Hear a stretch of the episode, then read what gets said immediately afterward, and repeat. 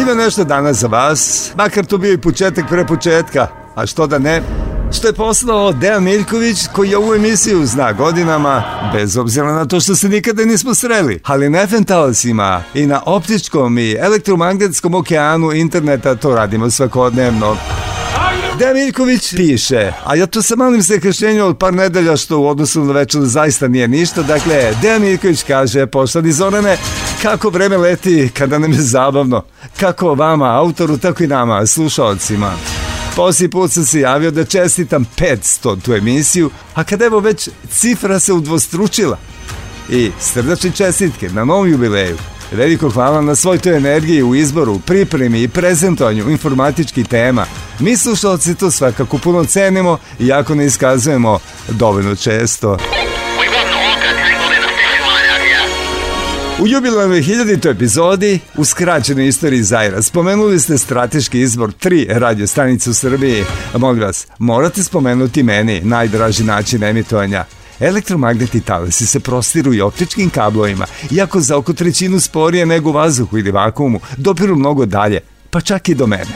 Reč je naravno o internetu, a vi ste, mora se reći, jedan od pionira u njegovom korištenju i za prenos radioemisija, a podcasta na našem području. Sa internetom je čitav svet vaša pozornica. Rekoh, meni je najdraži ne samo zbog svog dometa, već i što je oprostiv, jer mogu da biram vreme kada da slušam, zato malo kaskam s emisijama.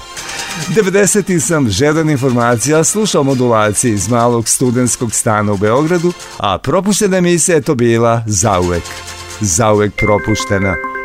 Tehnički napredak je u vremenskom rasponu Zaira zaista bio velik. Ja, na primjer, nisam mogao tada ni da zamislim da ću u svom životu moći da pristupim skoro čitavom ljudskom znanju sa uređaja koji nosim u džepu pantalona ako zastanemo za trenutak i razmislimo o tome, pa naša stvarnost je toliko nesvarna da nijedan pisac naučne fantastike nije uspeo da predvidi ono što imamo danas i kakve efekte stvara.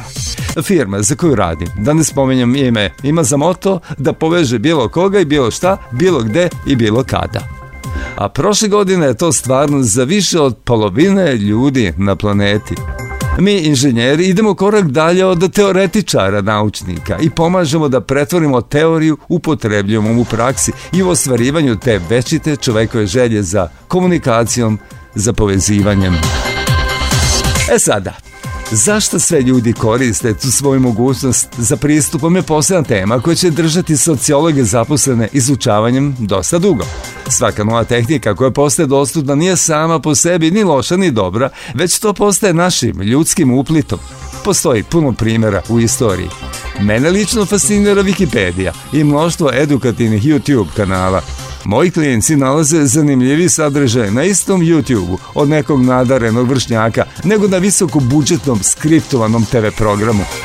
Treći nalaze deljenje na socijalnim mrežama fascinantnim i tako dalje. Pozornica je sada dostupna svima. Publika sada cela planeta. Znanje je dostupno svima koji su njega žedni ali odjednom je tako puno glasova i toliko teško izdvojiti šta je tu vredno, fokusirati se. Malo pomalo svi oko mene sada gledaju opčinjeni u svoji uređaje. Gledaju u njih u javnom prevozu, u kafićima i restoranima, u društvu, na poslu, čak i na sastancima. Mnogi ne mogu podneti stanje nepovezanosti. Prvo što vide, kada se probude i... Posljednje pre nego zaspuje ekran svog uređaja, prozor u virtualni svet. Šta smo to stvorili? Do samo pre nekoliko godina smo se svi plašili mračne vizije orvelovske budućnosti predstavljene u 1984. Trenutno mi se čini da je Huxley preciznije predvideo vreme u kome živimo u svom hrabrom novom svetu, da će nas upropastiti ono što volimo, ne ono što mrzimo – više detalja i poenti imate na linku tinyurl.com, dakle tinyurl.com kroz Orwell Strip. Od moje želje da kratko čestitam jubilej, posta dosta duga reakcija na high-tech svet oko nas, ali prepostavljam da vas to ipak zanima. Ono što je sigurno je da potreba za Zairom nikako nije manja nego što je to bila ranije. Moramo videti kuda nas vodi ovaj put. U to ime čašu uvis za novih hiljadu emisija. Veliki pozdrav od Dejana sa dalekog severa, a trenutno privremeno na Karibskom moru. I uz zvuke ovde tako popularnog ojojojojoj uz eh, dans za kaduro. Mislim da su među vremenu Dejan vratio sa daleki Kariba na daleki sever i da je u nekoliko sati premostio dve klimatske zone ove planete, ali je ostao i dalje veran onoj klimatskoj zoni u kojoj se kreće i on i svi oni koji rade na unapređenju novih tehnologija zajedno sa nekim koji ih verno tome prati a to je zakon akcije i reakcije Veliki pozdrav Dejanu Mirkoviću divnom i tako pažljivom Dejanu od ove malecne ekipe. Neka zajeb bude uz vas.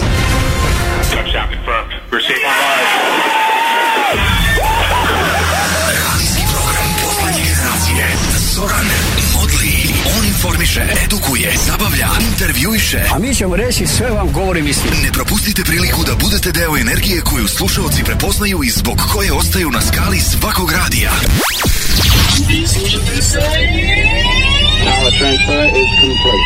Three, two, one, zero. Oh, yes, Liftoff. We have a liftoff. Zaire. nas odmah na početku, e, dobar dan, odmah na početku današnje emisije ja odvojim teme kroz koje ćemo ići narednih sati 30, 40, možda i 50 minuta, nikad se ne zna kad krene emisija, onda prestanem da brojim minute, o sekundama da i ne govorim. Ali narednih nekoliko desetina sekundi da odvojim za ono što ćemo slušati, a to je bio najprije jedan jednostavan naslov, onaj 1000 plus, posle toga ne baš im redosledom, ali nekako će da se uguraju novi talas i svet oko nas. Tri decenije sezama. Dalje se su megapikseli najbitniji. Kineska alternativa GPS-u mogli bi da bude pokrenuta 2020. godine. Bojkot izbora, da ili ne, spas tehnološke revolucije, poezija medicina, da li lekari skloni književnost imaju i više empatije za svoje pacijente? krađa pošiljki veliki problem tehnoloških kompanija, nova generacija gaming računara, novi mobilni procesori iz AMD-a, Razer kiši pretvara telefon u gaming konzolu, Sony presiva svoj prvi automobil, televizija ili telefon, šta li je? Trump potpisao kaze za neželjene pozive, Uber i Hyundai predstavljaju novi električni taksi, Xiaomi Shark 3, prvi smartphone sa 16 grama, vidi mene, sa 16 gigabajta RAM memorije. Pa ja sa 16 grama, moglo bi se i tako reći i jedan vremeplov sa našim IT junacima iz 1986. 92. i 2001. godine kad malo bolje razmislim, sve ovo najbi nije tako loše, tako da... Mm. Odlično, ništa, ja bi ne bi ništa dirao, ništa ja ne dirao. Slažem se, ni ja. Ovo je zakon akcije i reakcije, danas sa inventarskim brojem... 1, 2, 3, 4, 5, 6, 7, 8, 9, 10, pa sve do... 1000! Reklo bi se, 1004. I jeste tako. Čitava hiljadarka plus... Četiri! Razumem! Ovo ne znači ništa drugo nego da nam sledi prvo muzičko uživanje u današnjem zakonu akcije reakcije. A to muzičko uživanje ići će uz moj glas. Malo sam natribao vodu, nekoliko prehrani zajra na svoju muzičku odenicu, pa ću to da radim i danas. Već ste slušali na putu za Sarski grad Stambol, moje viđenje pesme Radio Gaga, Ono me što je izazvalo postajanje Zaira, in Zair, in Zair, da i ne govorim. A danas jedan rock and roll, mada se po ritmu pesmi nikada to ne bi moglo reći. Naime, ohrabreni uspehom singla rađen za PGP RTB na putu za Saski grad Stambol i na B strani Anđelija čuvaj se Turaka ili je bilo nekako obrnuto svedno A, B, B, A Bora Đorđević i Ana pravili smo dogovor sa Diskosom Bora je nastupio kao pravi menadžer i sa tadašnjim direktorom produkcije ploča Diskos dogovorio novi singl Oga putu projekat nije bila uključena session grupa tada najviđeniji beogradski rock muzičar nego Borina nova grupa Suncokret pa je singl ploča izdata pod nazivom Zoran Modli i Suncokret Na nju su bile dve pesme, A strana, Rock and Roll Duku Duku, B strana, Gili Gili Blues. Niti prva ima veze sa rock and rollom, niti druga ima veze sa bluesom. Ali su dobro odradili svoj posao te 75 ili 76 godine, ne znam tačno, ali kako god okrenete, četiri i po decenije pokrivaju tu malu nepoznanicu od godine plus ili godine minus. Dakle, A strana singla Borinog projekta Zoran Modi i Suncokret rock and roll duku duku uz kazu i ostalu buku. 1, 2, 3, 4,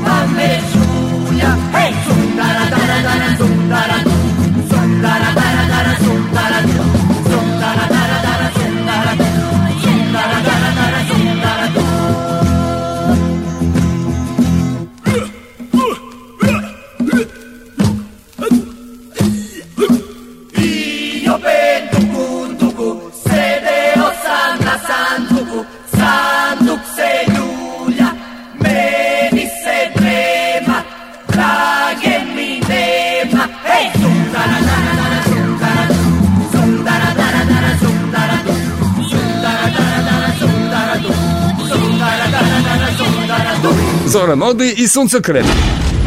roll Duku Duku, projekat Bore Đorđevića iz sredine 70. godina prošlog veka. Još jedan od njegovih ambicioznih i beznadežnih pokušaja da me natera da propevam. Dobrodošli u novu Kineska alternativa GPS-u mogla bi da bude pokrenuta 2020. znači ove godine, saznaje Marijana Pečić nečujno špionirajući kineze za vas i zapisi prepres. Zbog neprestanih tenzija između različitih zemalja videli smo kako su neke vlade preuzele na sebe da pokušaju da se distanciraju. Na primjer, nedavno smo govorili o tome da je Rusija uspešno testirala sobstveni internet u pokušaju da filtrira sadržaj sa spoljnih web lokacija. Također smo videli kako neke zemlje poput Kine Također pokušavaju da smanje uticaj sa zapada, cenzurišući sadržaj i blokirajući neke aplikacije. Sada se čini da bi Kina mogla dode da korak dalje lansiranje vlastitog GPS-a koji bi mogao da stigne ove 2020. godine. U izveštaju Niki Asian Review, kineska mreža satelita Beidou, u suštini bi izdvojila uređaje koji se koriste u zemlji od američke tehnike. GPS-om upravljaju Sjedinjene američke države, što znači da u teoriji vlada SAD-a ima mogućnost da ga onemogući za strane subjekte u ime političkih ili vojnih interesa. U neku ruku smo to i videli kada su SAD stavile Huawei na entity listu, sprečavajući Huawei da koristi proizvode i tehnologije iz Sjedinjenih američke država, zahvatajući uređaje poput pametnih telefona i računara. Rukovodilac projekta Ren Shenku otkrio je da je core, dakle srce navigacijalnog satelitskog sistema Beidou završen ranije u decembru, a da bi posljedna dva satelita trebalo da budu u orbiti pre 2020. To bi tehnički bila treća faza Bajdova, koja je prvi put puštena 2000. godine, ali predstavlja vrhunac satelitskog sistema u svom sadašnjem obliku, piše Engadget. Neće biti veća nadogradnja do 2035. godine, rekao je Ren. Većina kineskih korisnika neće morati ništa specijalno da uradi da bi iskoristili prednost nove mreže. Oko 70% kineskih pametnih telefona već podržava Beidou, a već postoji 120 partnera koji će koristiti Beidou za tehnologiju mapiranja. Kao i kod ruskog glonasa, kineski poriv za sobstvenim sistemom navigacije se odnosi na nezavisnost. Kada Kina bude lansirala sobstvenu alternativu GPS-u, bit će korak bliža smanjenju zavisnosti od stranih tehnologija. Beidou osigurava da lokacijske usluge nastave nesmetano sa radom i pozicionira Kinu u skladu s novim tehnologijama poput 5G i autonomnih automobila. Use i u svoje kljuse, to je pre svega naša, a ne kineska krilatica. A šta da se radi kad Kina ima veća krila nego mi. Tu ne bi pomogao ni one omiljeni lik moje dece dok se bila mala, a to je bila uloga krilate. Igrali ju je Shirley MacLaine u filmu Artisti modeli. Biće sve jasno ako ikada budete pogledali ovaj film. Music. Najljepše pesme koje su se ikada vrdele u Zairu. Po meni. Oh.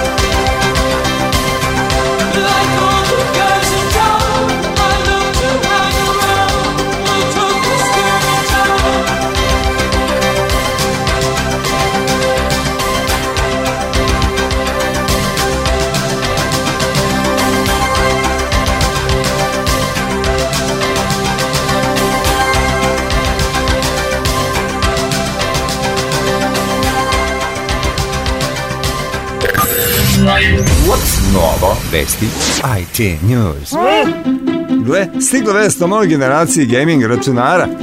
Računari namjeni ozbiljnom igranju igrica do sada su po pravilu bili veliki i nezgrotni, što je bilo uslovljeno napanjem veličinom grafičke kartica i matične ploče. Čak su i gaming laptopovi bili neobičajeno veliki i teški. Intel, kao jedan od glavnih igrača na ovom polju, želi da promeni stanje na gaming tržištu. Zajedno sa kompanijom Razer predstavili su Tomahawk, koji je prototip budućih SFF, dakle Small Form Factor gaming računara. U vrlo kompaktnom kućištu se nalaze grafička kartica i novi Intelov Compute Element, evolucija računara NUC koji ima Core i7 ili čak i 9 procesor, RAM memoriju i portove i to sve na jednoj kartici. Zbog smanjenog broja komponenti, Tomahawk ima i bolje hlađenje, a pošto je napajanje manje, računar koristi i manje energije. Ovakav računar je više nego dovoljan za sve moderne igre, ali za ozbiljan rad, videomontažu, development i tako dalje. Zavitajte onda i vi svoj Tomahawk i zabodite ga u vlastiti džep. Tek da vidite koliko će iz njega ispasti. Tja, naći će se valjda nešto makar za sladoled. Tek da ohladite glavu ako ste počeli da razmišljate o gaming Toma Zakon akcije i reakcije. Čudan je svet u kome živimo. Sa jedne strane, tehnologija omogućava gotovo svakome da se pronađe i bude srećan u životu. Sa druge, prema istraživanjima čiji rezultati svakodnevno pristižu, današnja generacija mladi značajno su nesrećeni od prethodnih. Jasno je da su mladi ljudi nestrpljivi. Takve su bile i generacije pre njih. Ipak, nestrpljivost koju demonstriraju današnji mladi ima svoje korene u očekivanjima koje mi, kao društvo, namećemo. Momir Đekić odlučio je da stavi prst na čelo, kao na naslov, i da nam posveti kolumnu pod naslovom Spas tehnološke revolucije. Na primer, nastavlja Momir. Boing, boing kako vam zvuči činjenica da u najjačim američkim korporacijama prosječan izvršni direktor zarađuje čak 321 put više nego prosječan radnik. Ako pogledate podatke, vidjet ćete da se radi o rastućem trendu uprkos globalnoj krizi i menadžmenta nastalog usred svetskog finansijskog kraha pre 12 godina. Sve ovo treba posmatrati u kontekstu činjenice da kada se posmatraju Fortune 500 kompanije, prosječna starost kompanije u poslednjih 50 godina sa 75 spala na svega 15 godina. To prosto znači da i menadžment, ma kakav da je i ma koliko da je dobar, manje uspešan nego ikada. Ovo potvrđuju i opadajući koeficijenti povrata investicija koji decenijama ukazuju na to da smo sve manje sposobni da oplodimo uloženi novac. Ukazuje li sve ovo na to da su menadžeri sve sposobniji, pa zato njihovi prihodi rastu sve brže, dok prihodi radnika napreduju u mizernim stopama? Izgleda da ne. U ovom krajnje nejednakom svetu brojne države ponavljaju određene obrazce ponašanja. Snažno se ulaže u infrastrukturu. Sa jedne strane to je zaista važno. Ako nemate pristup internetu danas, vi ste praktično isečeni iz svetskog napretka. Ipak, nije pitanje da li nam je potrebna infrastruktura, već kakva. Postoji interesantan podatak od pre par godina koji na primjeru Danske pokazuje da je u tom trenutku pokrivenost populacije 100 megabitim internet signalom bila čak 84%. Ipak procenat koji je koristio pomenutu propusnu moć bio je svega 3%. Pred nama je novi investicioni ciklus u čijem središtu je 5G tehnologija. Iako je ova tehnologija važna za naš napredak, postavljaju se pitanja da li nam je zaista potrebna, u kojoj meri nam je potrebna i ko sve profitira na tim talasima osvežavanja infrastrukture. Ponekad se čini da ti telekomunikacioni standardi služe samo da obezbedne novi ciklus poslovanja postojećim telekomunikacionim igračima i njihovim partnerima, čiji inovacioni potencijal i nije mogao da se razvije kada samo čekaju sledeći talas. Ovaj princip se verovatno najbolje vidi u financijskoj industriji. Posebno su izazovima izložene banke. Njihov krajnje tradicionalan pristup biznisu je doskoro bio praktično jedini način obavljanja transakcionalnog bankarstva. U prevodu, morali smo da trpimo njihova pravila igre, način rada u poslovnicama i da plaćamo njihove naknade i provizije. Na neki način ovoj praksi dolazi kraj. Možda to još uvijek nije tako kod nas u meri u kojoj se to dešava u svetu oko nas. Ipak bankarstvo nema svoju 5G revoluciju spasenja. Šta više u narednom periodu će bankarstvo biti pod još većim pritiskom kako regulatora koji diktiraju tempo procesa demokratizacije podataka iz banaka, tako i fintech kompanija, čije brojke polako, ali sigurno dostižu i najveće banke sveta. Za razliku od telekomunikacijonih giganata, banke nemaju mogućnost da se primire i sačekaju zimu u kojoj se najbolje snalaze. Najbolji trenutak da krenu akciju je bio juče. Drugi najbolji trenutak je sada. Upravo je ovaj pritisak razlog zbog koga ćemo videti ukrupnjavanje finansijskog tržišta u Srbiji u narednom periodu, čak i kada u bankama nisu svesni gde se to žuri i zašto. Revolucija se redko najavlja trubama i fanfarama, osim kada su tehnološke. Čitav svet je otvorio oči i gleda kako četvrta industrijska revolucija koju najavljamo godinama grabi pedalj po pedalj svakog biznisa oko nas. Iako deluje da o njoj sve znamo, zapravo je žurka tek počela. Ako nam ništa nedostaje u ovom trenutku, onda nam nedostaju lideri. Mnogo nam fale ljudi koji bi svojim integritetom, znanjem i iskustvom omogućili da nejednakost koja nas razara bude ublažena. Ovaj svet se nosi na leđima onih koji imaju 321 put manju platu od onih koje visine Olimpa lako zavedu. Svet više nikada neće biti ovako spor. Brzina kom se stvari dešavaju danas bez presedane. Setimo se toga dok svakodnevno robujemo starim rutinama i navikama koje nas vuku natrag u sigurno juče.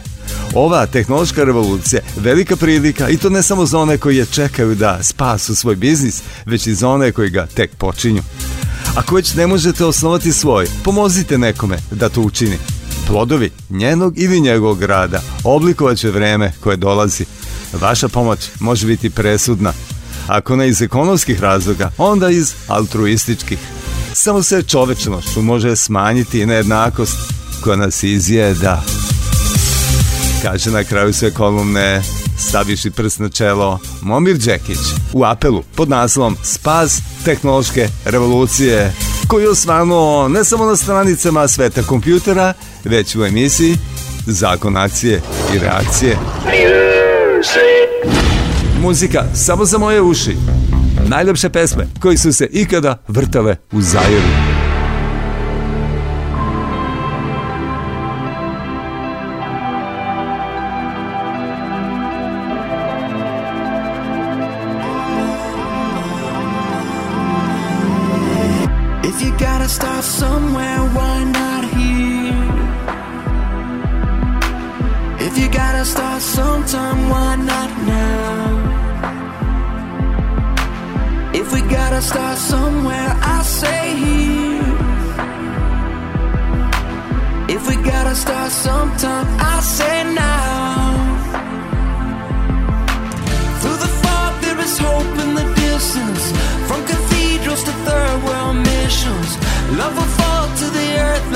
crashing wave tonight.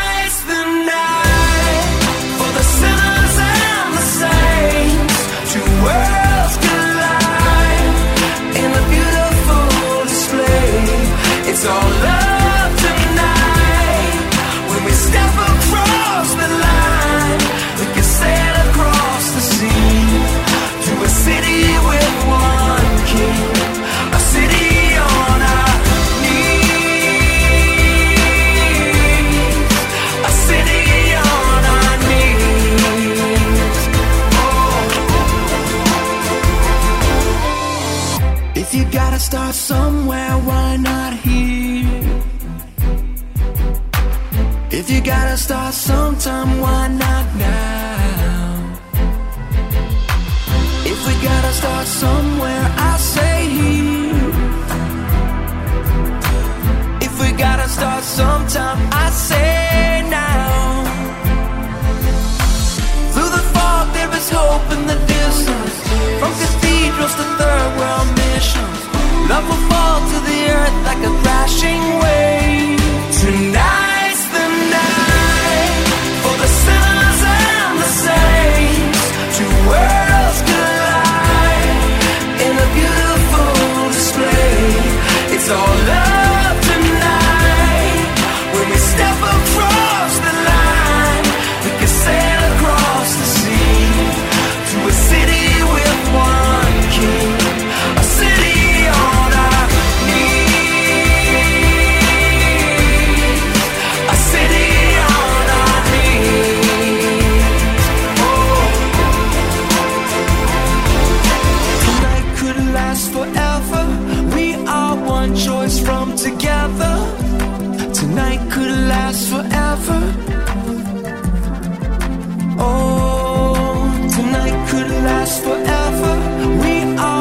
choice from together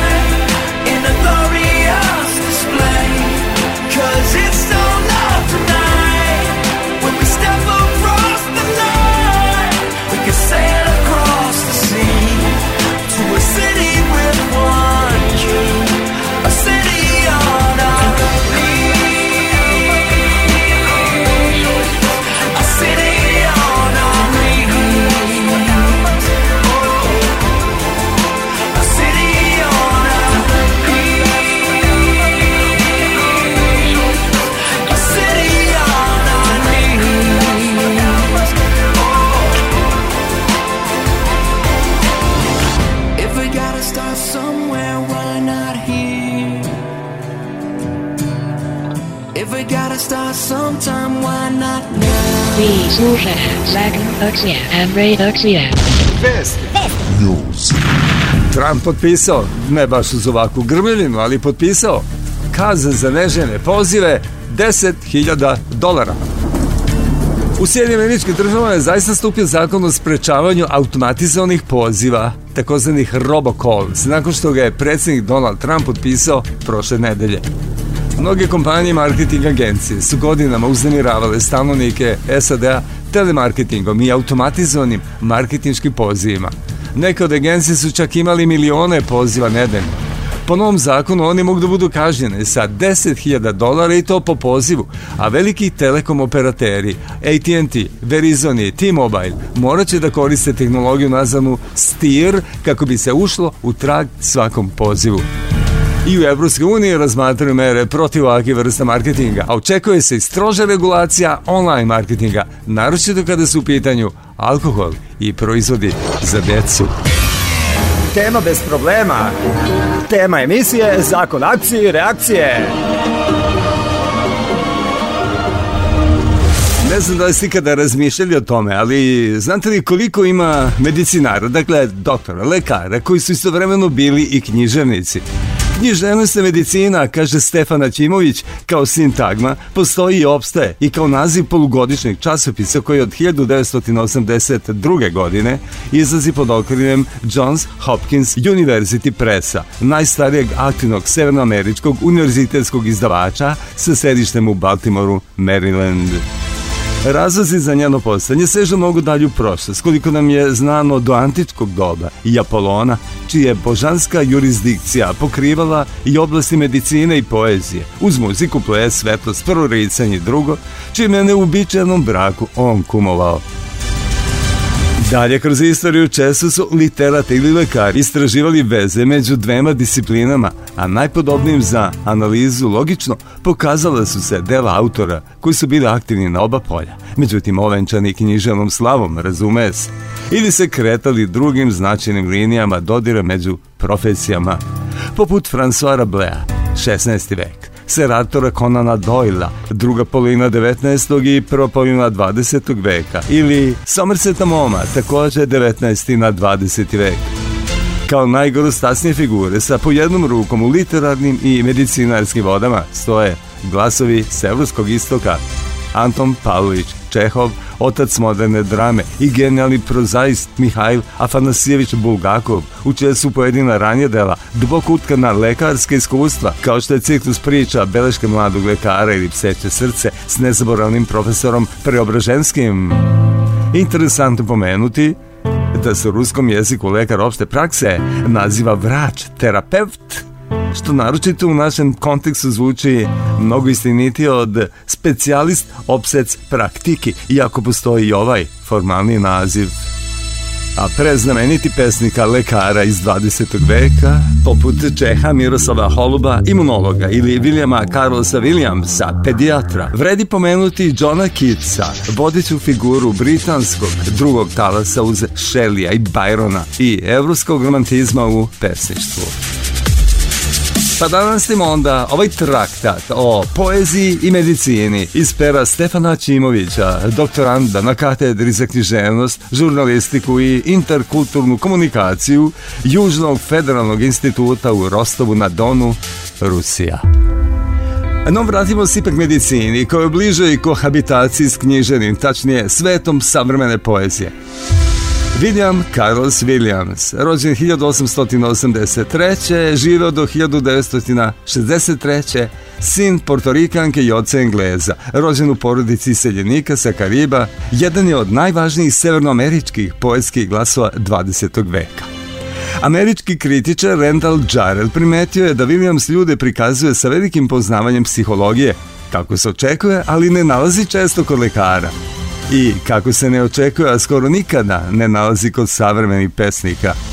Kao ujedinjenje i potvrdu ovih opaski navodimo jednu kasnu autorovu pesmu koji ispovedno priznaje da se i sam našao na jedan osoben način u ulozi pacijenta iskazom slična japanskom haiku, što nije neuobičajeno za Williamsove strofe, u njoj ipak do krajnosti doveden autorova takozvana variable foot, promenljiva, varljiva stopa, uz sasvim izvitoperenu sintaksu, interpunkciju, kao metrički princip, sloboda koja je celog pesničkog veka težio.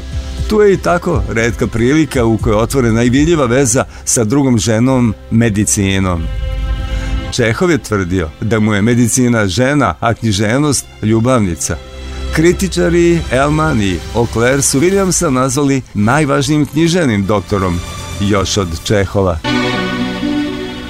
Posle 15 godina Pošto sam video sobstveni komad Mnoge ljubavi prvi put na pozornici, prisjećam se mnogi pojedinosti stvarnih razgovora sa pacijentima, posebno ženama, ja, koji sam ispitivao izlažem se ogonjem pred svima, njima tu. U komadu, ali ko bi se sada pomučio da oceni. Ozvine strane slučaja. Jedan od glumaca je, posredstvom teksta koji je, učio na pamet, došao do mene. Ozarenog lica, otvorenih usta, sa svetlošću u očima. Ništa više. posvetimo sada i par narednih minuta John Kidsu. Već smo ga pomenuli. Rođen je krajem 18. veka 1795. i živo je do 1821. Dakle, svega 26 godina. Rekli smo da je bio vodeća figura britanskog drugog talasa uz Shelley i Byrona i evropskog romantizma u pesništvu. Nesrećni Kic je preminuo od tuberkuloze već u 26. godini, ali je nekoliko godina pre nego se potpuno posvetio literarnoj karijeri, proveo učeći za doktora. Nesuđeni hirurg stažirao je u bolnici u Londonu i asistirao pri intervencijama neko vreme, a nakon dve godine školovanja imao i apotekarsku dozvolu.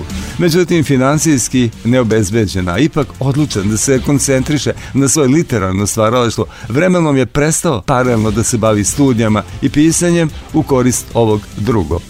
Poznato je da je Kids, poput Williama Blakea, govorio protiv nauke, ukoravajući Njutna što je raspleo dugu.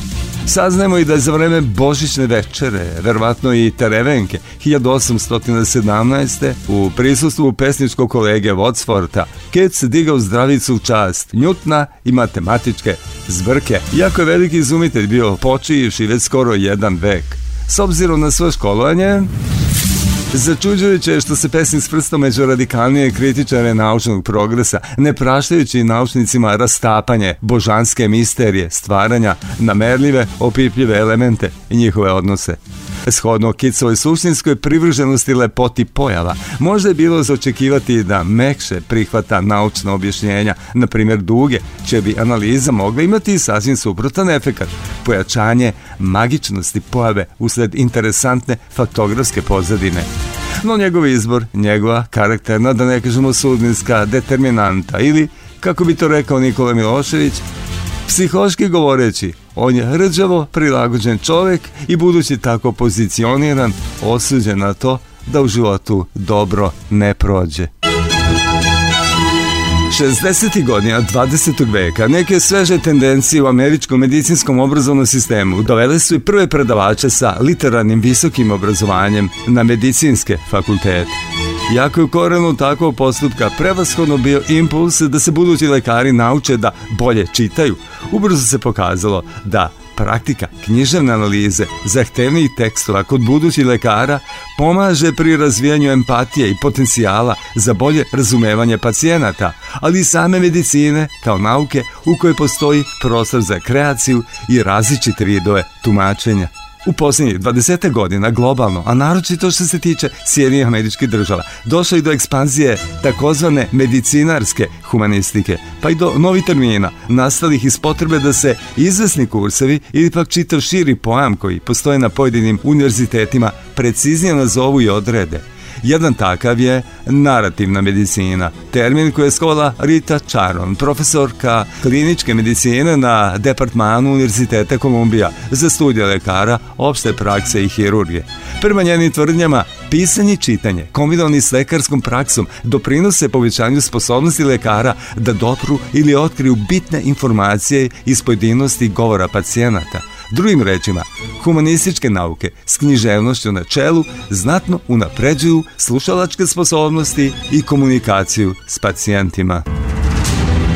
Smatra se da je važno što, za razliku od nekih prohujalih vremena, današnji studenti medicine imaju veću svest o tome koliko je distanciranje od ljudskih iskustava pacijenata potencijalno opasno te da je dominantno tehnički pristup lečenju, plodno tle za razvijanje cinizma, nezadovoljstva karijerom i da, što je najvažnije, erozija empatije može da dovede do pogoršanja same brige o pacijentu. Ipak, nemojmo smetnuti s uma. Pacijenti sa pisima, to je s dobrim knjigama, mogu da provedu nemerljivo više vremena nego sa svojim lekarom. To vreme može da bude vrlo kvalitetno, potencijalno i plodonosno u složenom procesu isceljenja i ozdravljenja. Eto to je poenta priča o poeziji i medicini i lekarima, književnicima i doktorima pesnicima u osvrtu koju je pripremio Stefan Ačimović. I za vas, i za čitavce, časopise za promociju nauke, elementi. Great music for a great city. A new song. A new song in Zaire. Hmm, nova pesma u Zairu. I wanna lay down on a bed of roses, but not like Bon Jovi. I'ma leave the thorns and cause you like it rough. Whoa.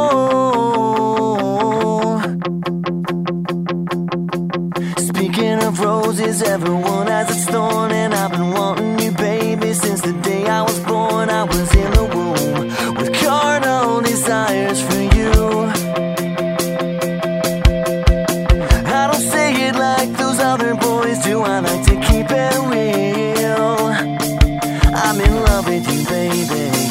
is how I fucking feel.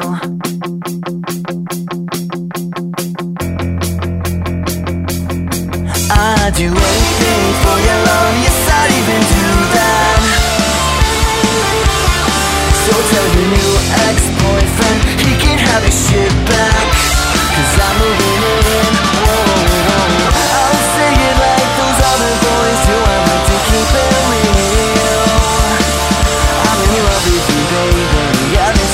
I fucking feel.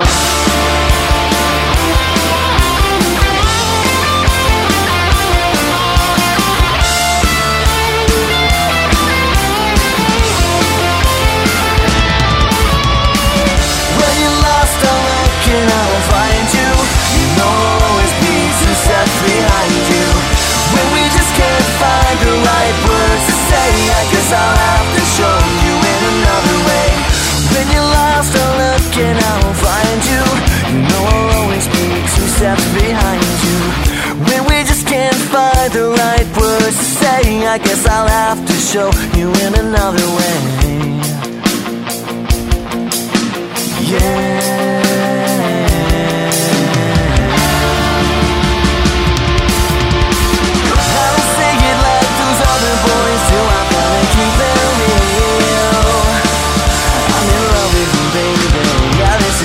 fucking feel. What's novo? Vesti IT News.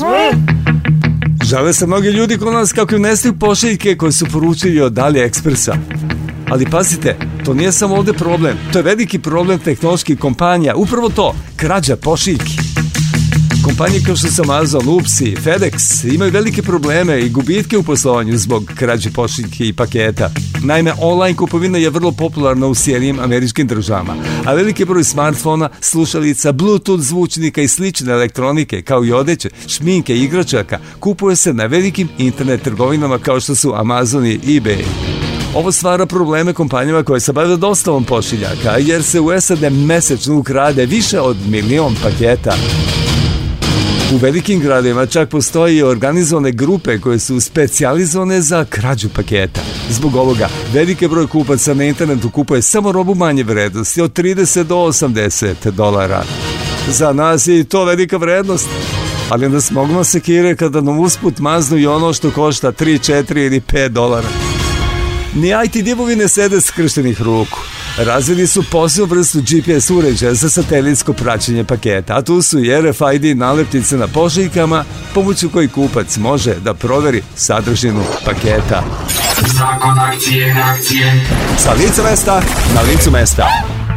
Jubilej brojke, statistika značajna u ovom i pogledu i dalje su aktuelni u našim životima, pa eto samim tim i u zakonu akcije reakcije da se još jedan podsjetim na jedan događaj koji se održao krajem eh, novembra ove godine, a to bio skup podom 40 godina novog talasa na FDU. Učesnici tribine organizovane tim podom bili su, da se još jedan podsjetim, Boris Miljković, Srđan Šaper, Branimir Dimitrijević, Tucko, Biljana Maksić, Milutin Popović, Vladimir Đurić i moderator dr. Aleksandar S. Janković. Danas Branimir Dimitrijević Tucko, Srđan Šaper i Milutin Petrović govore o novom talasu i svetu oko nas iz onog vremena kada su bili u ranim 20. godinama i danas u vremenu kada su u godinama u kojima jesu. Utjecaj novog talasa je bio toliko fantastičan i toliko brz na sve ovo. Znači, mi smo živjeli u Titovo doba. Tito još nije umro, Tito je vlada. Pa to je kao, kao Lukašenko, to je otprilike ta varijanta. A par meseci posle tog rock'n'rollera 3, sa idolima naravno, sve je počelo da liči na to. TV dnevnik je bio isti, Bibila, Pela, Pozarina, oni voditelji, sve potpuno neverovatno. Cela država počela da liči na rock'n'roller. I još nešto da vam kažem, uticaj novog talasa je takav fantastičan, da i ovo što danas živite, što sam rekao, da je novi talas. Evo još jedna ilustracija. Išli smo nas dvojica ulicom tih krajem 70-ih, početkom 70 ih i doli su držali neki koncert, mislim da je u Pinkiju bio, i videli smo plakat za njihov koncert, a dole ispod je napisao predgrupa Giovanni, svetski prvak u breakdansu. Šampion ili pisalo je vice šampion sveta u slow dance. A, dobro. E, to je ta razlika. Zamislite, to su kraj 70-ih neki džogani. Nas dvojica smo se pobudale, sveli 15 minuta, misleći da je to deo projekta. Ali idoli nisu znali, pošto je neko od ovih menadžera odozvoli. Znači, idoli su pronašli džoganije. Čekaj, samo ako mogu da ova diskusija uzela maha, ako mogu da samo ovaj odgovorim. Prvo, to nije bilo, to je bilo 83. četvrte, već to sad ću I to je bio onaj trenutak, apropo čokolade, mislim. Znači, svako uzme u nekom, e, ima neki trenutak kad e, mora da napravi taj uh, neku vrstu dogovora sa sobom, da li će pripetiti neki kompromis ili ne. Sa čokoladom, ta ploča treba da se zove U gradu bez sna, nije treba da zove čokoladu, to je bila neka pesma tu bez veze, ali i možda ni miliona plata. A onda je naš izdavač koji tad bio Jugotan, Siniša Škarica konkretno, došao sa prograsa imao sa jednim ultimatumom. Ili ćete da to zovete čokolada, da stavite to kao prvu pesmu i da mi to izdamo 100.000 primjeraka, ili ćete da zovete kako god hoćete, ali ću izdamo 10.000 da i vi stavite i onda smo mi napravili tu, sad svaki umetnik ima taj trenutak kad treba da ovaj, se suoči sa samim sobom i kaže da li ću da uradimo ovako i onako. Mi smo izabrali ovaj put uh, da li smo uradili ispravno, ne, ne znam, ali jedan od tih tačaka koju vas dvojica dobro znate jeste što smo jednom trenutku pomislili, nama u karijeri bio, o, jer ne da mi sam pričao sad suviše, bio jedan trenutak kad smo napravili fenomenalnu priču, zato što nam izašao jedan tekst o nama u startu, zagrebačkom časopisu, posle koncerta tamo, da je autor tog teksta, uh, teksta koji nedavno umro, Denis Kuriš, napisao kako bismo mi trebali, a učestvovali smo na jednom koncertu u Sarajevu kao predlog pri Beo Dugletu, a on je napisao kako bi Beo Duglet trebalo da bude nama predlog, pa i to je sad izgledao zaista za nas uh, zanimljivo kao ovaj, uh, opaska. I onda smo se dosetili da 83. da nam Raka Marić, koji je bio ovaj, menadžer Rio Glumeta, da mi njega uzmemo isto da nam napravi ovaj, jedan koncert i onda nam je on baš napravio taj koncert koji je tako izgledao, ja sam mislim stvarno šokirao kad sam vidio što u gradi bilo plakate gde piše taj Halid Đogani prvak Evrope u slow dance-u i dobro, da, eto tako to ispod preko Rake dobro.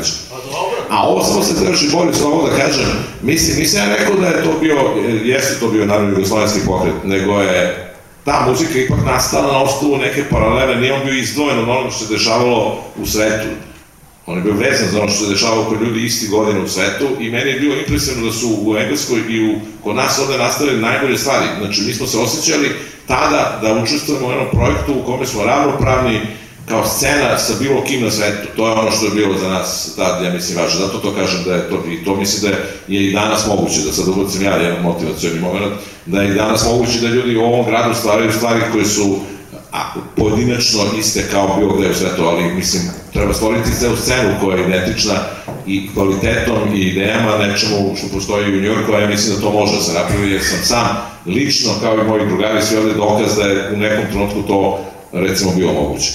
I to nas je dosta zeznulo ovaj, u životu, jer smo mislili da je to istina o, o našim životima i svetu. Ja sam na trećoj godini, neće znači, vrlo važno je E, na trećoj godini pokojni takođe Mladen Popović, urednik Hita meseca, pozvao dosta nas reditelja sa, koji su u tom trenutku studirali da uđemo u hit meseca da radimo spotove. I onda smo svi bili reditelji spotova. Ti si režirao... Balašević. Da. Đorđe Balašević. Da. I onda sam ja ostao tamo. I, I znaš koga još? I Rija Talas. Eto, da. Baš ono, desetak nas je to radilo. I ja sam ostao da rešen hit Hit meseca i 85. godine isti taj urednik Mladen Popović e, saznao da se radi Live Aid, da bi Bob Geldof da što radi, i organizovao naš Live Aid, e, snimili smo spot, ja i, i Miša Vukobratovic smo radili taj spot, i taj spot je pušten u novembriju u prenosu, prvom velikom satelitskom planetarnom prenosu. I sad ja sam, ja e, nisam još diplomirao, bio 85. godine sam, znači 24. godine, ja sedim u kući, gledam YouTube kao koji završava clean, i, završava i kreće moj spot koji ja, ja sam se stvarno osjećao kao da smo, jer što tim iskustvom prethodnih 5-6 godina sa svim tim pesmama, sa, sa tekstovima u New Musical Expressu, ja sam pogrešno zaključio da sam ja ovaj, neko ko živi ono blizu sveta. Onda se is, vrlo grubo ispostavilo, a opet vezano takođe za jednu grupu vrlo važno, znači Jukebox je imao svoju kritičarsku trupu, i Branko Vukojević, takođe pokojni, takođe student posle ovog fakulteta, je bio urednik Jukeboxa i tu su svi ti, svi ti ljudi koji si ti pročitao, malo ne su tu pisali kritike, to je bilo jako važno, inače, za, za recepciju filma. Um, oni su jedan procedili to 81. i uživali se, irili u činjenici kako to Ljubljana, Zagreb, Beograd i Novi Sad imaju bendove i sve to, kao u Sarajevu, jelo dugme svira i dalje nešto ono kako se kako zvala, flop, pastirski rok, da. A Branko Vuković, taj jedan veliki mistelac, je ovaj, bio namršteni čutor. Onda su mu rekli, što se ti sad čutiš? A on je rekao, vidjet ćete i za par godina kada u Bosni ukapiraju punk. Tako da to je, ovaj, to je druga ovaj, varijanta objašnjenja državnog ono on tada, svi svet oko nas govorili su Branimir Dimitrijević Tucko, Srđan Šaper i Milutin Petrović. Na tribini održano je krajem novembra meseca na Fakultetu dramskih umetnosti 40 godina novog talosa na FDU. Evo jedne dobre pesme, a... Zair.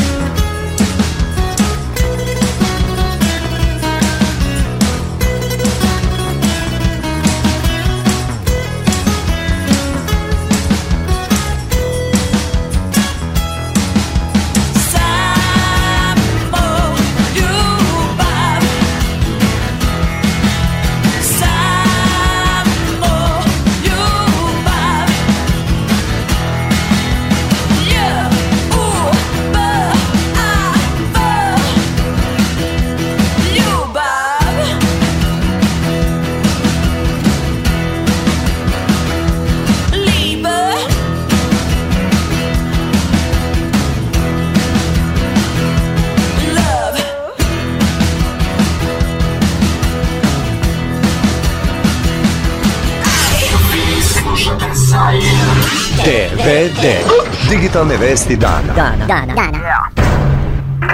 Znate i ko je prvi smartfon sa 16 GB RAM memorije?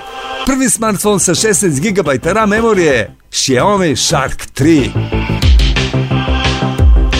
Već smo znali da su smartfoni zapravo računari u našem džepu, sposobni za širok spektar funkcija, komunikaciju, igranje igara, pretragu interneta, snimanje, fotografisanje, pa čak i montažu videa. Dolazeći Xiaomi Shark 3 će biti prvi smartfon sa čak 16 GB radne memorije. Linija Shark je rezervisana za telefone namenjene intenzivnom gamingu, a trojke će imati poseban aktivni sistem hlađenja.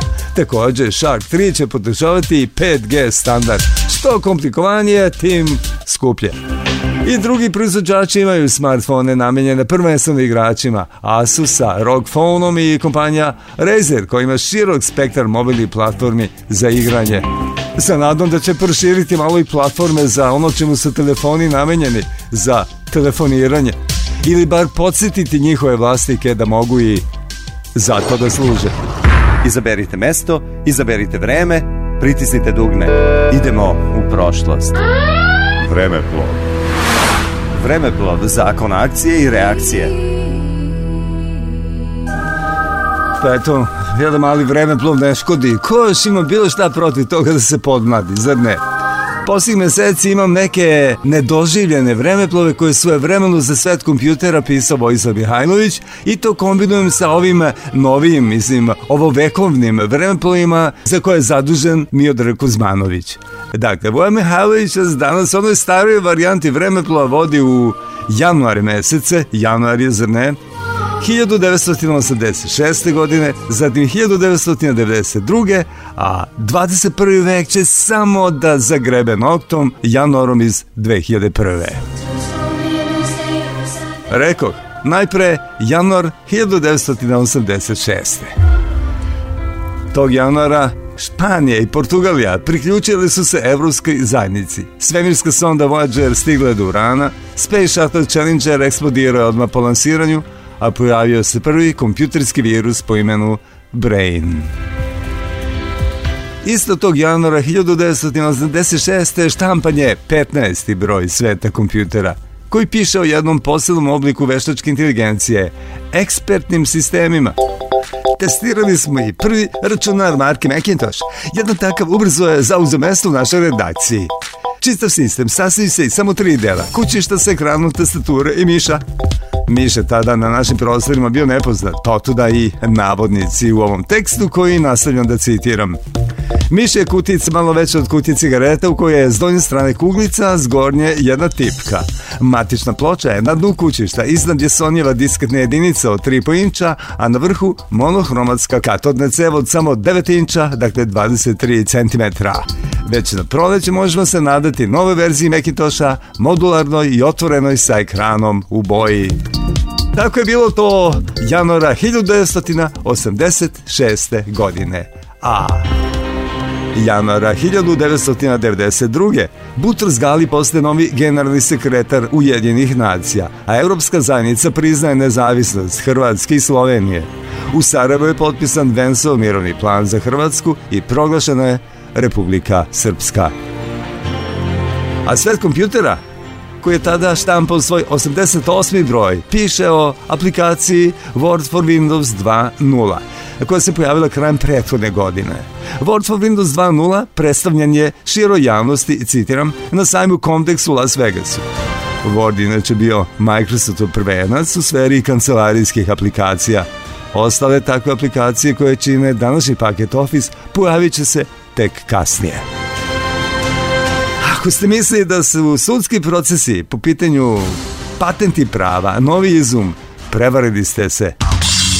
Toga je bilo i 90. godina prošlog veka. Svim memorijski moduli su centralna tačka oko koje se spore kompanije Wang s jedne strane te Toshiba i Next druge. Trenutno su Toshiba i Nekom ustavili proizvodnju sobstvenih SIM čipova zbog sudske zabrane. Prepostavka je da će ove dve firme uložiti žalbu i da će se cela stvar možda pretvoriti u jednu od onih maratonskih parnice koje traju godinama. Tako izgledao taj januar 1992. A sada spremni smo i za 21. vek. Ulazimo u januar 2001. godine. Baš tog meseca i te godine George V. Bush proglašen je za predsednika SAD, a pre toga Bill Clinton je ukinuo spojni zid sankcija SR Jugoslaviji. Pokrenuta je Wikipedia.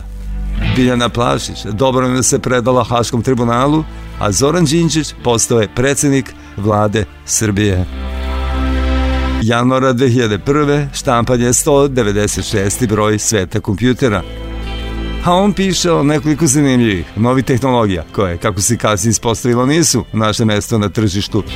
Tehnologija Disappearing Email omogućava da poslate poruke posle zadatog vremena jednostavno nestanu sa računara primaoca, čime se osigurava privatnost.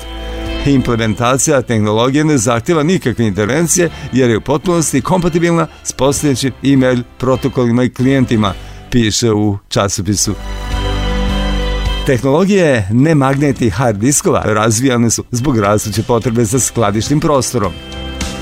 Citiram ponovo. U IBM laboratorijama već se razvijaju diskovi koji se zasnivaju na mikroskopu atomskih sila. To je mikroskop visoke rezolucije koji ne gleda već pipa površinu objekta Igla ovog mikroskopa kreće se u svega nekoliko atomskih prečnika iznad objekta i registruju se privlačne sile između njenog vrha i atoma površine postiže se najmanje 20 puta veći kapacitet nego kod magnetnih medija. Razvijan je u to vreme i magnetni RAM. Posle pomnog istraživanja, piše, napravljena je nova vrsta memorije, MRAM pošto radi na principu magnetizma. Nema potrebe za dovođenjem napajanja radi zadržavanja sadržaja. Magnetni materijal se nalazi između dve metalne ploče, a prolaskom struje kroz te ploče ostvaruje se polarizacija materijala i pamćenje bitova 0 i 1. Sadržaj memorije biva očuvan i po gašenju računara. Eto, to bilo sećanje na neke pomalo ugasle godine i mesec januar, kroz koji smo prolazili 1986. 1992. i 2001. godine prema sećanju Vojslava Mihajlovića, u to vreme vrednog servisera, vremenske mašine, sveta kompjutera. Non-stop music! Najljepše pesme koje su se ikada vrtele u Zairu. Po meni. Oh.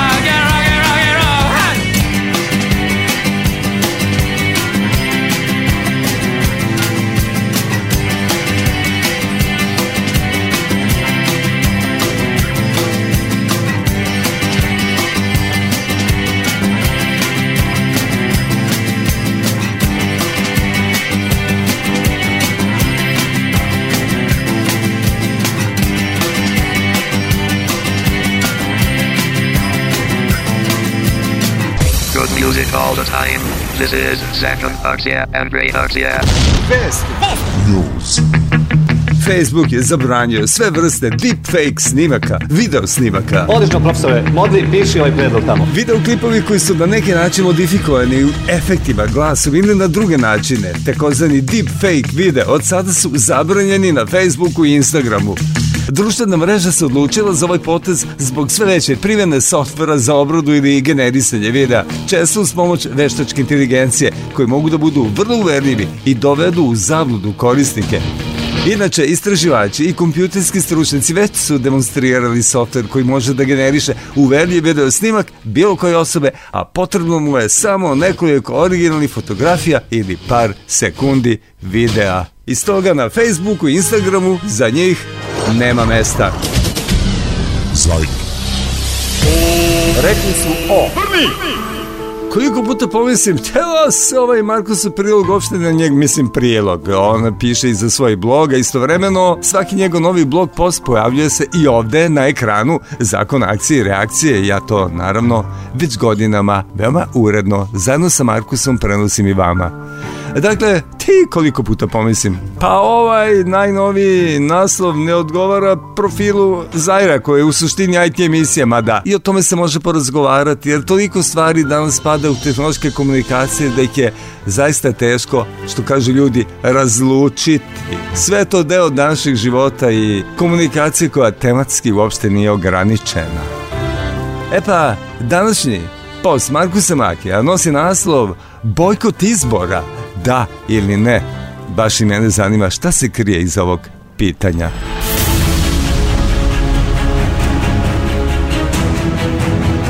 E, kažu da pametni uče na tuđim greškama, a prosečni na svojima glupi ne mogu da nauče, govori na početku Markus Maki.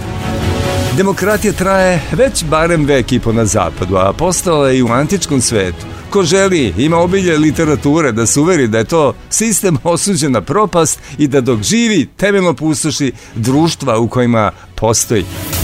Objašnjavati pristalicama trenutnog vladara da on ne valja je kao učiti decu iz vrtića više matematici. Beznadežno je. Međutim, ljudi koji se nadaju da će Obradoje, Đilas ili Jeremić uraditi nešto bolje od trenutnog vladara, mahom nisu glupi, već su očajni, a očaj nije dobar savjetnik u odlučivanju. Naravno da treba bojkotovati izbore, no bojkot nije dovoljan, ali uvijek deo rešenja u dobrom pravcu. Neko bi mogo da kaže da mogu postati neki izuzeci kao kada preti da dođe na vlast neki novi Hitler, ali nijedan političar nikada u svojoj predizbornoj kampanji nije rekao da će da pobije desetine miliona ljudi zato je nemoguće tako nekog predvideti. Zbog toga bojkot ostaje odlično sredstvo borbe. Ako to niste do sada shvatili, ako i dalje živite na mračnoj strani ili verujete u Deda Mraza, odnosno u političara koji može da poboljša situaciju naroda, onda ne spadate u one koji uče na tuđim greškama, već na sobstvenim. Zbog toga morat će da se istutnjaju svi mogući tipovi, dok ne shvatite da su svi isti.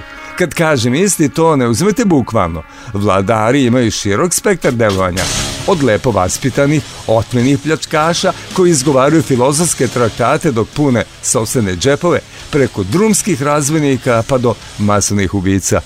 Ali ne postoji ona vrsta koja ne pljačka.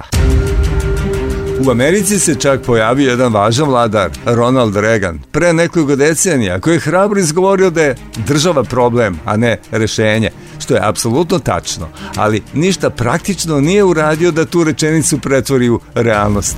Ostaje zapamćen kao veliki prevarant. Na domaćoj sceni, najbliže takvoj poziciji, cela 2-3 minuta bio je Saša Radulović, ali je to odavno napustio kad prođe dovoljno vremena, pojavit će se zaista i neki srpski Regan ali koji će naravno potpuno izdati samog sebe, jer drugačije ne može. Jednom, kad se svi mogući izređaju po vama, onda će možda da vam sine ideja da to nije način da se organizuje društvo. Jedino pozitivno u svem onome što živimo danas je to što uopšte počinje da se govori o bojkotima, jer Srbi su totalno omamljeni demokratijom. Ništa im nije slađe nego da ih neko pita za mišljenje. Najveća pobeda bilo kog vladara je upravo u vašoj slepoj veri i u tome što učestvujete u tom zlu. Kada su Turci vladali, bilo je barem jasno ko je bio zlotvor ako žrtva – to što sada vaše lance drži neko ko ima prezime na ić, ne menja stanje stvari, ali vi to još ne vidite. Dragi očajnici, neće doći do smaka sveta ako ne glasate. Neko vreme, kako bude opadao broj glasača, vladari će to kriti prekranjem biračkih spiskova, ubacivanjem nepostojećih glasova i drugim prevarama, do jednog trenutka kada postane svima jasno da je priča gotova. Gledajte da se obrazujete oko alternativa, da se pripremite na vreme i da stvarate paralelni sistem dok ovaj bude umirao. Znam, nećete me poslušati, nisam vas ubedio. Ali nakon svakog izbornog ciklusa, sve više vas će početi ozbiljno da prihvata moje reči. Ko boluje od teških bolesti, ne možete se izleći preko noći. Zaljubljenost u demokratiju je veoma teška bolest, kaže na kraju Markus Maki. U ovoj seriji saveta, koja nije ni prva ni poslednja, ako uredno pratite njegov filozofsko-politički opus. I zato i ovo što sam pročitao kao najnoviji Markusov prilog, činim veoma svesno. Ne samo da bih vaše, nego da bih uključio i svoje moždane vijuge. Što kaže onaj ovo što li savjet, mislite svom glavom, ali pritom punite i znanjima i saznanjima. Markuse, hvala i na ovom pismu. Ali još jedno pročitano pismo ne znači da zajedno više nismo. Naime, sve dosadašnje, ali i buduće Markusove postove možete potražiti na njegovom blogu markusmaki.wordpress.com Divna prilika da Markusa uvek imate pri ruci i srcu. Muzika samo za moje uši. Najljepše pesme koji su se ikada vrtale u zajeru.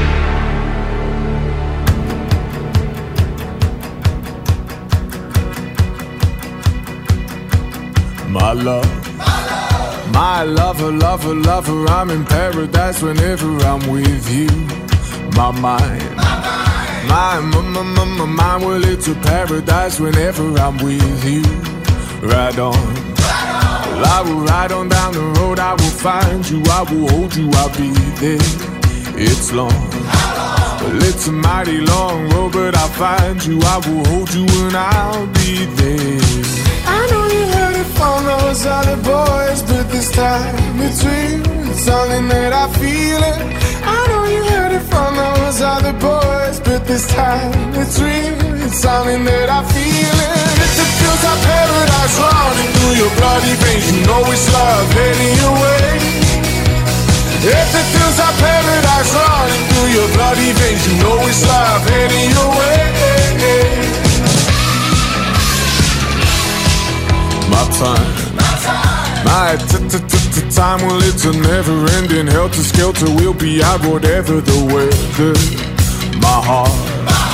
My boom boom heart, it's a beat and it's a thumping and I'm alive from those other boys But this time between It's something that I feel it I know you heard it from those other boys But this time it's real It's something that I feel it If it feels like paradise running through your bloody veins You know it's love heading your way If it feels like paradise running through your bloody veins You know it's love heading your way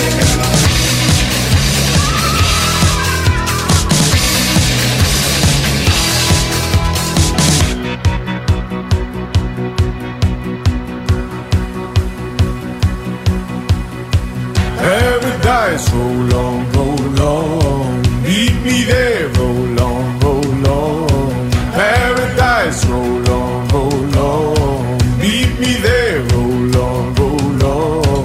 Paradise, roll on, roll on. Meet me there, roll on, roll on. Paradise, roll on.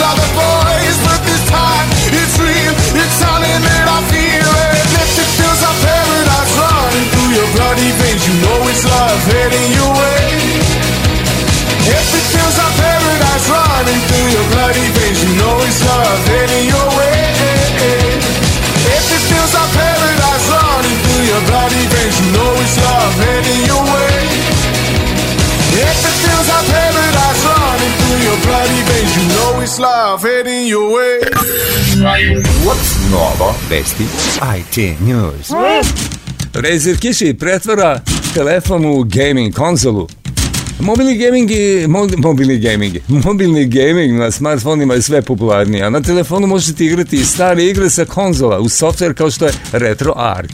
Razer je vodeći proizvođač gaming uređaja, a novi kiši i kontroler može da pretvori vaš telefon u konzolu za igre. Kiši dolazi u verzijama za iPhone ili Android i posjeduje funkcija automatskog mapiranja kontrola u većini igara. Koncept ovakvog kontrolera je već viđen na konzoli Nintendo Switch, ali kvalitet iz rezera te lakoća upotrebe trebao bi da privuče dosta gejmera. Zakon akcije i reakcije. Medijski IT i ostali zapisi. Zapisi, zapisi, zapisi. Evo jednog jubileja o kojem je trebalo da govorimo još u novembru, ali nikad nije kasno, pa ni sada u januaru 2020. godine. Naime, 11. novembra 1989. godine zvanično je počeo da radi Sezam, BBS časopisa Računari. Za nekoliko godina postao ne samo najveći BBS u ondašnjoj Jugoslaviji, nego i mesto okupljanja, da ne kažemo društvena mreža, kompletne računarske elite s naših prostora. 30 godina kasnije živimo u internet svetu, ali se rado sećamo sezamovih konferencija i pitamo se kako je tada iz mnogo manje izvora stizalo više vrednih informacija. Od tri decenije Sezama, jedan informativan i vrlo emotivan tekst napisao je Dan Ristanović za prvi ovogodišnji broj časopisa PC. Oni koji se sećaju Sezama znaju o čemu govorim, oni koji ne čuče možda nekoliko stvari koje će biti makar zanimljive. Jer među korisnicima Sezama je vlado veliki optimizam. Svi su videli kakav potencijal donose računarske komunikacije i želeli su da iz tog potencijala izvuku što više. Evo nekoliko odlomaka iz ovog podužeg teksta Dejana Ristanovića o tri decenije Sezama. Još u prvim danima Sezama Dejan Balinda, budući moderator konferencije Civilizacija, rekao nešto čega će se kasnije često sećati, piše Dejan Ristanović. Prava vrednost sezama pokazat će se u budućnosti kada na raznim krajevima sveta počnemo da srećemo sezamovce. I upravo tako, većina mog profesionalnog života teče u interakciji sa sezamovcima, čak se uglavnom i oslovljavamo po sezam imenima – tada je na sezumu bila. Da li se taj izraz žestoko izlizan, ali u ovom slučaju odgovara istini. Tehnološka elita. Nije svak umeo da priključi modem, ako je imao računar. Nije umeo da koristi neki Telex ili Telemate da se poveže, da radi u terminal režimu i kuca komande. Sezam je bio jedinstven kanal za komunikaciju i bilo je sasvim prirodno da ljudi koji to umeju dođu na njega a kad su već tu, onda i da učestvuju u burnom konferencijskom životu. Kada se posle dužeg vremena vidim ili čujem sa nekim sezamovcem, gotovo po pravilu razgovor počnemo time da nam mnogo nedostaju sezamove konferencije, ali i razmišljanjima zašto je danas teško naći tako kvalitetne diskusije. Obično priča stigne do Facebooka na kome su svi i na kome svakako ima mnogo razgovora, ali Pre svega poruke su uglavnom kratke i često bez sadržaja. Super, ološ, divna si draga. A ako se negdje razvije diskusija, teško je pratiti. Samo malo skliznete prstom levo ili desno i lista se zatvori, pa morate ponovno da scrollujete i pitate se gde ste stali. Dužu poruku je teško čitati, stalno treba pritiskati mor.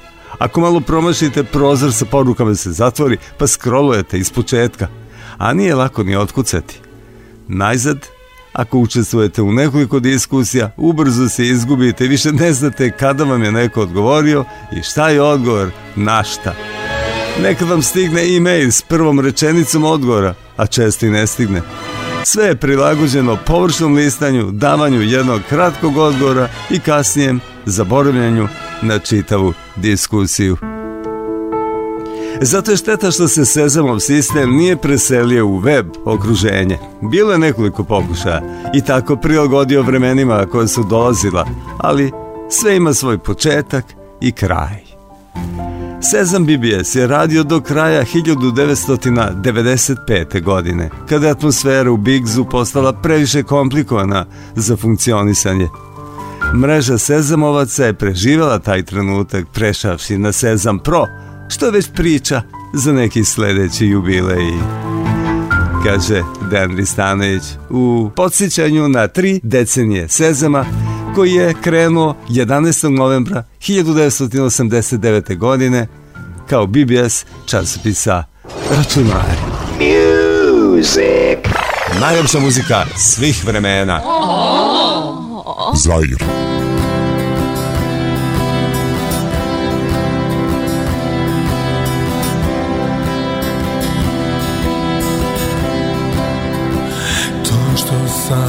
otišao večeras Ne znači da te manje volim I fališ mi ko niko Nemoj sebe kriviti Nikad nemoj to da radiš Ti si najbolja na svetu Sve je ostalo bez smisla I nanosi mi štetu Tvoje oči miris osmeh Izlače mi dušu I onda kad te nema Vatam sebe sam za gušu Neprijatelj postanem Sam sebe povredim Je mi neko tebe ne da Nema moć da promenim A sa druge strane Niko neće moći da Ti nad mojim srcem, dušom Oduzme svu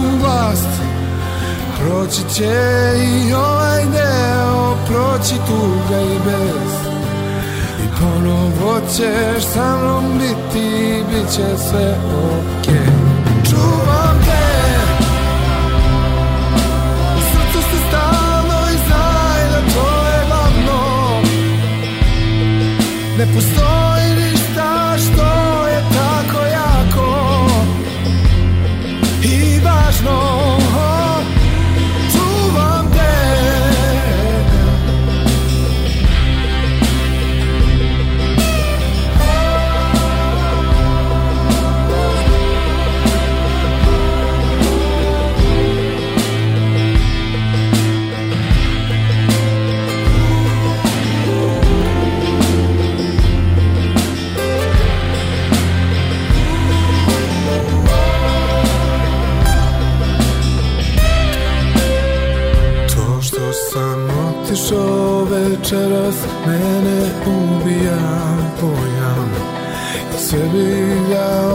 se vreme kao pljugamota I ne zapali, ne gori Nego stoji mi za uhom Jer mnoge bi te stvari nosile drugčije ruho I kad ljudi nisu dobro Kao što ja nisam bio Lagao i Ako se i okeane pio Onda drugi budu loše I to je jasna stvar To sve nije tvoja greška Ja sam napravio kvar A sa druge strane Nikom neće moći da Ti nad mojim srcem dušom Oduzme svu vlast Proći će i ovaj deo, proći tuga i bez I ponovo ćeš sa mnom biti, bit će sve okej okay. Čuvam te Srce se stalno i znaj da to je glavno Ne postoji ništa što je tako jako I važno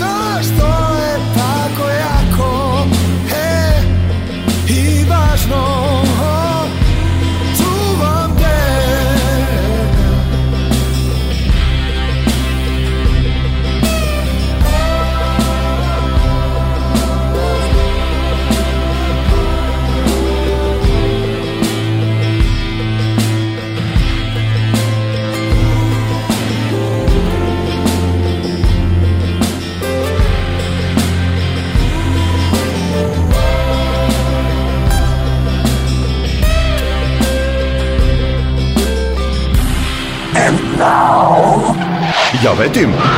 Avijacija u Zairu. Opet ćemo malo da letimo, vidim, zato što su Uber i Hyundai predstavili novi električni taksi čim je novi električni taksi, a podvodi se pod nad naslov avijacija, onda mora i da je leteć. Uber i Hyundai su se udružili kako bi zajedničkim snagama konstruisali električnu letelicu koja bi po jednom punjenju mogla da pređe čak 100 km i da razvije maksimum brzinu od 290 km na čas. Ovakve letelice postale su moguće kada se poboljšao kvalitet baterija, a mnoge kompanije trenutno rade na različitim verzijama koje imaju sposobnost vertikalnog poletanja i sletanja. Tako je u trku ušao i Hyundai sa idejom da proizvodi električne taksije za Uber – Novi koncept ukazuje na letelicu koja bi se kretala na 300 do 600 metara od površine zemlje, koja je potpuno električna, ne zemlja nego letelica, te je za punjenje potrebno 5 do 7 minuta. Hyundai letelica će u početku imati i pilota, ali je planirano da u budućnosti postane potpuno autonomna te da poveze do 4 putnika.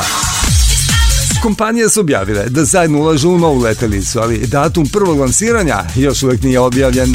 Stručna javnost i dalje sumnja u to da će se leteći taksi uskoro pojaviti na nebu, iako je koncept već više puta testiran, pa ostaje da se vidi hoće li vazdušni transport uskoro uticati na smanjenje saobraćenih gužvi u velikim gradovima i na povećanje gužvi nad velikim gradovima.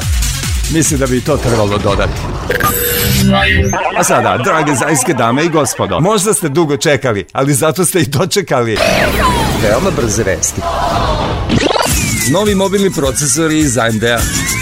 Iako na polju radnih stanica i gaming računara, Ryzen procesori iz AMD-a predstavljaju najbolju kupovinu, naročito kada se u obzir uzme cena. Na tržištu laptopova i dalje dominira Intel. AMD želi da ovo promeni novom linijom procesora Ryzen 4000. Verzija procesora 4800 ima 8 Zen jezgara, 16 threadova i osnovnu frekvenciju od 1,8 GHz uz boost do čak 4,2 GHz, ma šta to značilo za lajke. Takođe ima i 8 radio jezgara za grafiku i TDP potrošnje energije od samo 15 vati. Prvi laptop koji će koristiti ove procesore dolazi iz Lenova pod imenom Yoga Slim, za koji tvrde da je najtanji laptop sa 8 jezgara na svetu. Veoma brze vesti. Televizor ili telefon? Samsung je lider na polju displeja, smartera i telefona, a sada je svo znanje skombinovao u novom uređaju predstavljen na sajmu CES Samsung Seroe TV od 43 inča koji ima motorizovano postolje, pa može da ekran okrene iz standardnog u portret položaj. Tako ovaj TV liči na džinovski telefon, a ima i slične funkcije. Možete gledati vertikalne video snimke sa društvenih mreža kao i YouTube-u 4K rezoluciji. Vlasnici Samsung telefona mogu klonirati prikaz na veliki ekran, a TV može automatski da prati rotaciju telefona. Tu su i standardne smart mogućnosti sa drugih televizora kao i nova tehnologija unapređenog osvetljenja ekrana. Televizor i telefon. Stvarno šta je to? Veoma brze vesti. Sony predstavio svoj prvi automobil, prepostavljam, električni. Kompanija Sonja na sajmu CES predstavila koncept svog prvog e, i tačno električnog automobila. Nazvan Vision S, ovaj električni automobil ima mesta za pet putnika i spada u kategoriju sedana. Sony kaže da je na razvoju ovog automobila radio sa drugim gigantima u automobilskoj industriji kao što su Bosch i Continental. Automobil ima napredan sistem sa čak 33 senzora koji prate parametar vožnje, napunjenost baterija i bezbednost na putu. Sony najverovatnije neće serijski proizvoditi Vision S. Ovaj automobil će im poslužiti za razvoj komponente za autoindustriju kao i za treće brendove. Inače, Sony je već par decenija jedan od najvećih proizvođača OM elektronike za automobile, a to su delovi za prvu ugradnju.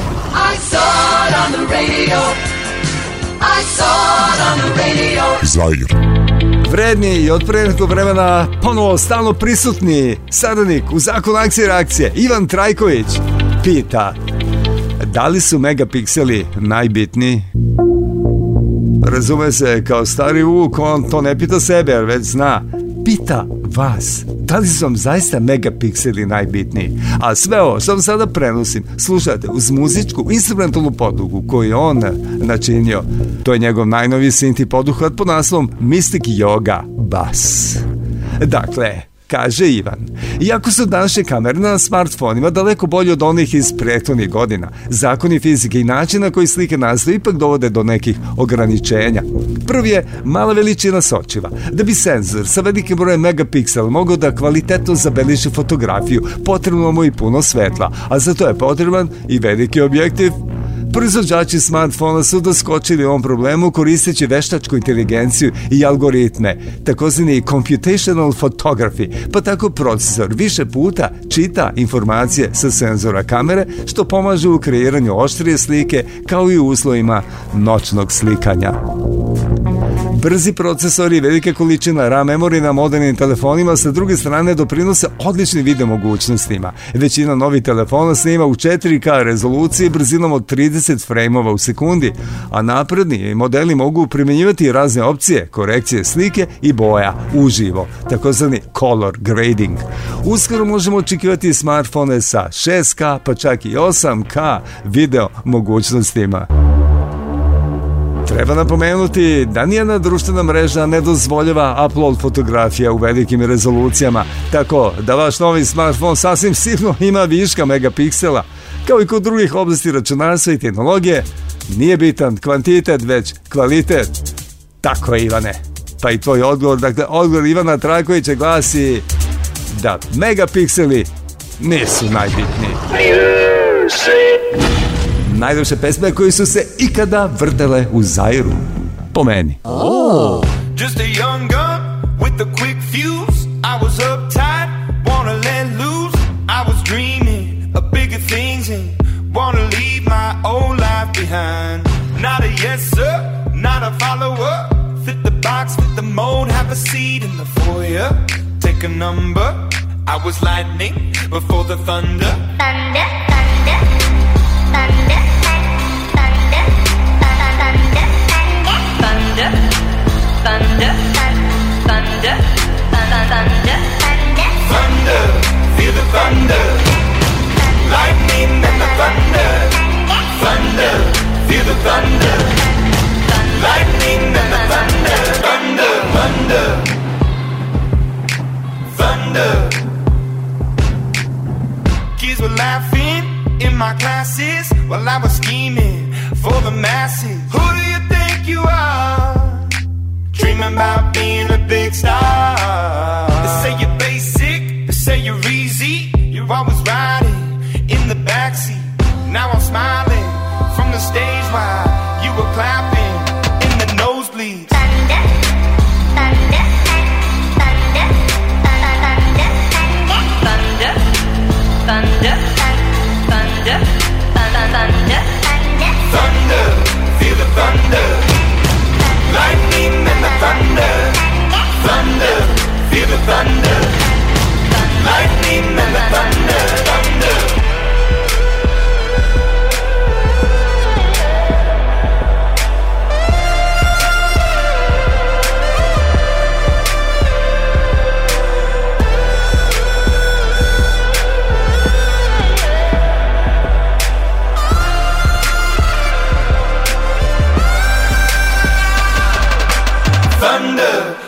thunder Lightning and the thunder, thunder, thunder, feel the thunder.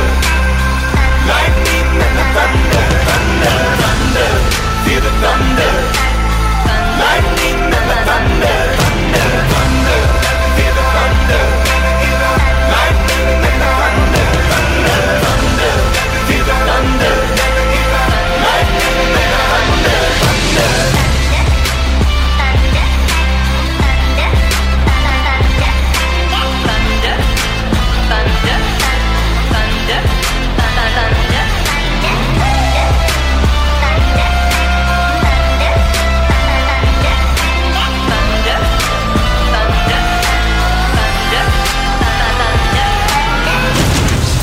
Evija Sedan je ovdje na samom kraju zaira ništa dirao što kažu, nego ostavio onako kako je bilo, da ste mi misli imali sve. Od Dejana Mirkovića, Branimira Dimitrijevića Tucka, Srđana Šapara i Milutina Petrovića, preko Dejana Ristanovića, Ivana Trajkovića i Marijane Pečić, pa sve do Markusa Makija, Momira Đekića, Stefana Čimovića i Vojsa Mihajlovića. Sve ste čuli u današnjoj emisiji, a na kraju imate i mog Facebook prijatelja Miljana Ž. Veselinovića koji je pre neki dan na svom Facebook statusu objavio ovo i dobio na stotine lajkova. Mislim, nije ni prvi poslije put. On dnevno znao da objavi po desetak minijatura, a posao taksiste radi samo zato da bi mogao iz blizine da prati život. Inače, rođene za pisa s preznakom genije. Njegov najnoviji holgramski zapis koji je stigao pravo iz Niš glasi Ne samo hologramski nastavnici i profesori, ne, i medicinske sestre, lekari, varioci, šoferi, vodoinstalateri, moleriće, sve će on hologram da nas pravite. Mame vam ga hošta plepske. Ovo je bio zakon akcije i reakcije broj... 4, 5, 6, 7, 8, 9. Ne, ne, ne, ne, ne, ne, ne, trebamo redni broj. Ja volim sada mali prekid programa u interesu novogodišnjeg programa. Za sve one koji nisu gledali novogodišnji koncert prvog dana Srpske nove godine, 14. januara u Sava centru. Neka pukne jedna himna zvana Pukni Zoro. Pukni Zoro. Uz veliki hor i simfonijski orkestar RTS-a počinje da peva dirigent Bogdan Suđić. Njemu se samo minut kasnije na bini pridružuje gost iz Francuske tenor Amadi Laga. Nastavljaju svoj neviđeni duet život. A na kraju, eto na sceni, Jelende Tomašević sa neverovatnim finalmentom pesme koja se vala čuva sve do Monterida. Ovo neka zameni odjevnu špicu ovog post-novogodišnjeg zakona akcije i reakcije. Pukni zajele po po koji ono put? 4, 4, 5, 6, 7, 8, 9, 10, pa sve do... 1000! Reklo bi se 1004. I jeste tako. Čitava hiljadarka plus... 4! Razumem!